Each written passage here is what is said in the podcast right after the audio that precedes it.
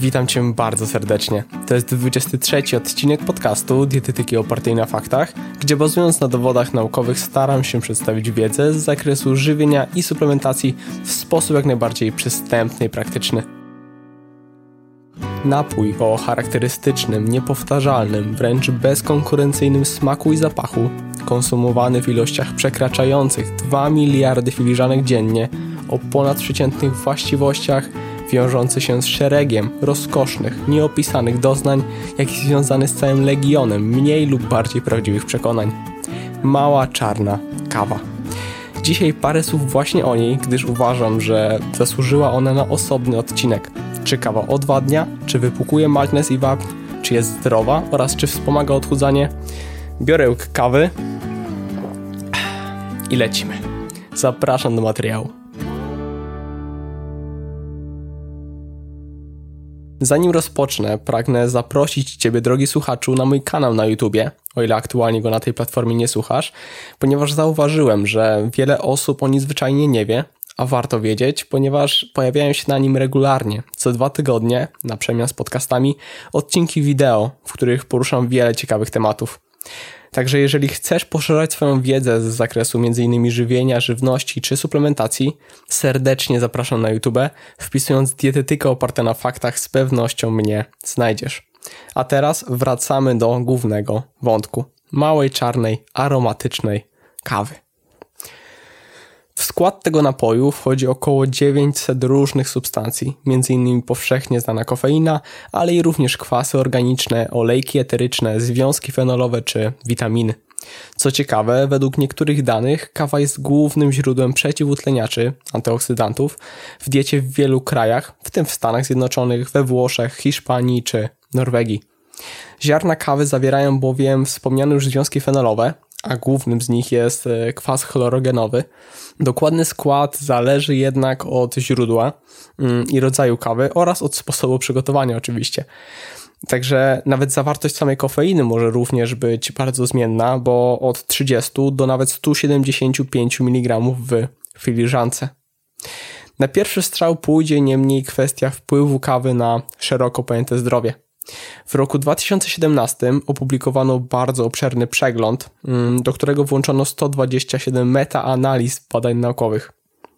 Na podstawie wyników tej pracy zanotowano, że istnieją dowody na prawdopodobnie korzystne działanie konsumpcji kawy w kontekście zmniejszenia ryzyka wielu chorób, w tym niektórych nowotworów, m.in. endometrium, prostaty, jelita grubego czy wątroby a także chorób układu sercowo-naczyniowego, cukrzycy typu drugiego, chorobie Parkinsona, Alzheimera czy nawet depresji. Mała czarna kawa może więc stanowić bardzo wartościowy składnik diety. Mm, w większości metaanaliz zależność e, dawka odpowiedź była liniowa, mm, a najniższe ryzyko zaobserwowano przy spożyciu 4 do 5 filiżanek dziennie. Aż 4 i 5 filiżanek dziennie właściwie, bo dla niektórych mogłoby się to wydać trochę abstrakcyjne.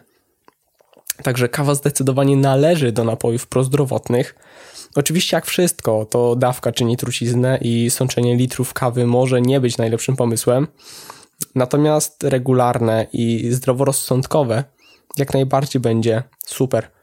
Gdyby ktoś chciał bardziej zagłębić ten temat, to pozostawiam cytowanie publikacji w mm, opisie. Zresztą tak jak i również wszystkich, na których bazuję w tym podcaście. Także to wszystko można znaleźć w opisie. Ok, przechodząc do takich najbardziej zakorzenionych mitów, mm, a może nie mitów, ale swego rodzaju niedomówień. Czy kawa odwadnia? To dość powszechne pytanie i z przekonaniem, że tak właśnie jest, spotkać się również można dość często. No cóż, mm, to zależy. Rzeczywiście kofeina zawarta w kawie jest diuretykiem, a więc może zwiększać diurezę, czyli zwiększyć objętość wydalanego moczu, Natomiast należy rozgraniczyć to na kilka, że tak powiem, aspektów. Otóż chodzi tu głównie o dawkę i częstotliwość spożycia.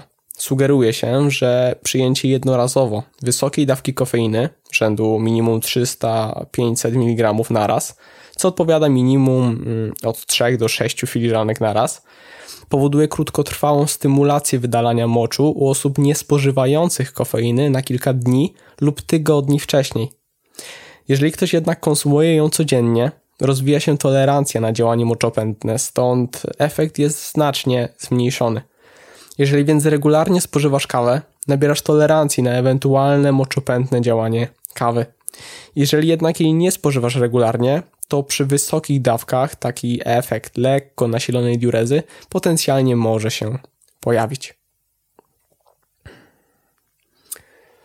Ok, czy kawa wypukuje magnez i wapń? To kolejne popularne pytanie i już spieszę z odpowiedzią. Jeden kubek kawy zawiera średnio 7 mg magnezu.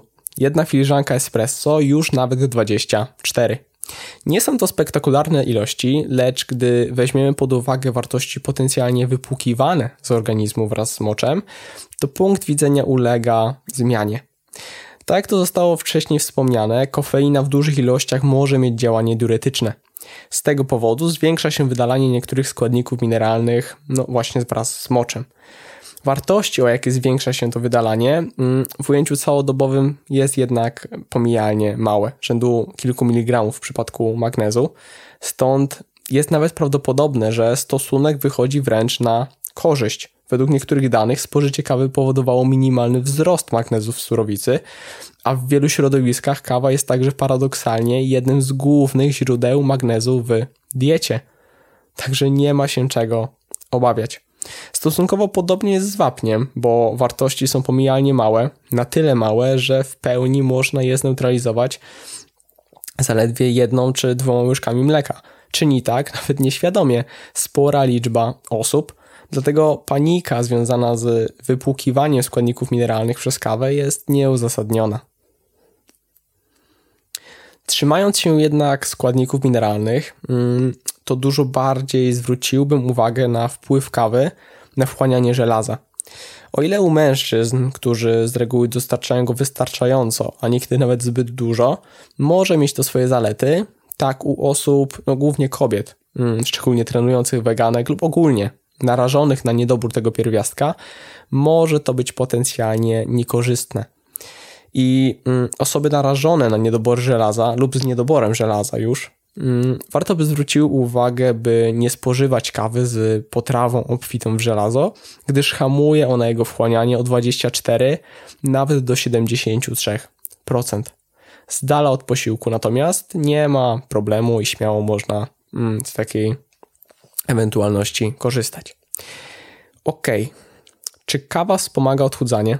To kolejne popularne pytanie.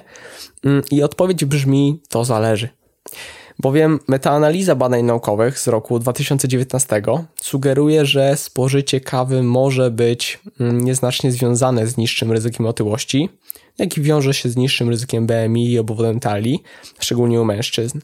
Mm, niemniej istnieją także pewne rozbieżności yy, i między innymi z powodu niewystarczających danych nie przeprowadzono metaanalizy według rodzaju kawy na przykład słodzona, a nie słodzona, czy też z mlekiem lub bez mleka i tym podobne. Mm, a może mieć to znaczący wpływ, bo niesłodzona kawa lub słodzona, ale słodzikiem oraz bez mleka lub z małą jego ilością o niskiej zawartości tłuszczu może mieć, a raczej ma odmienny wpływ na ryzyko otyłości niż taka słodzona kilkoma łyżeczkami cukru ze śmietanką i niekiedy nawet z kalorycznymi dodatkami. Niekiedy ludzie nawet mm, nie zdają sobie sprawy, robią takie duże oczy, że kawa może mieć nawet 800 kilokalorii. Także y, w tych rozważaniach dzisiejszych pozostańmy przy kawie, która nie dostarcza szczególnej dawki kalorii. Bo warto rozłożyć to na jeszcze pewne składowe. Otóż, jeżeli kawa zawiera kofeinę, to może ona przyczyniać się do zwiększenia wydatków energetycznych. Taki efekt może nieść za sobą spożycie kofeiny, co wiele osób wie, lecz nie musi co jest związane z metabolizmem kofeiny i y, uwarunkowaniem genetycznym.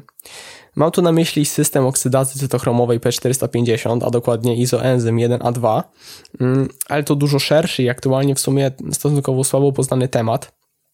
Może zresztą omówię go kiedyś w podcaście lub w filmiku. Zobaczymy. Jeżeli kawa jest natomiast bezkofeinowa, mm, no to także to może w tej kwestii wypaść dość różnie. Także znowu tutaj to zależy. Po drugie, to wpływ kawy na zmniejszenie spożycia pokarmu i kontrola apetytu. Otóż istnieją podstawy, by sądzić, że spożycie kawy na pewien czas przed posiłkiem może zmniejszyć spożycie pokarmu, kalorii mm, w tym posiłku następującym, choć efekt nie jest jakiś zjawiskowy. Może sięgać bowiem kilkudziesięciu kilokalorii, przynajmniej w oparciu o przegląd badań z roku 2017. Mm, natomiast z drugiej strony, jeżeli kawie towarzyszy y, na przykład ciasto czy ciasteczka, to może się okazać, że spożyjemy więcej kalorii niż gdyby jej nie było. To trochę takie spekulacje na tym poziomie, lecz wydaje się, że wpływ kawy na kontrolę apetytu nie jest taki jednoznaczny. No więc odpowiadając na wcześniej zadane pytanie, czy kawa wspomaga odchudzanie, to powtórzę się, to zależy, lecz mm, jeżeli kawa nie będzie istotnym dodatkowym źródłem kalorii w ciągu dnia i ogólnie przepadamy za jej konsumpcją, to jest prawdopodobne, że okaże się korzystna.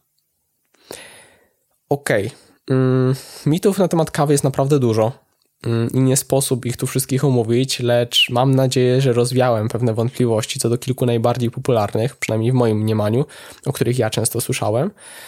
No i tak jak wspomniałem na początku, jeszcze raz pragnę zachęcić Cię, drogi słuchaczu, do wejścia na kanał na YouTubie, mm, a przy okazji dodam, że nagrywałem materiał na temat kawy rozpuszczalnej. Czy kawa rozpuszczalna jest zdrowa? Na to pytanie znajdziesz odpowiedź właśnie tam. Tymczasem ja będę się żegnał, idę dokończyć kubek kawy, także do usłyszenia już niebawem. Hej!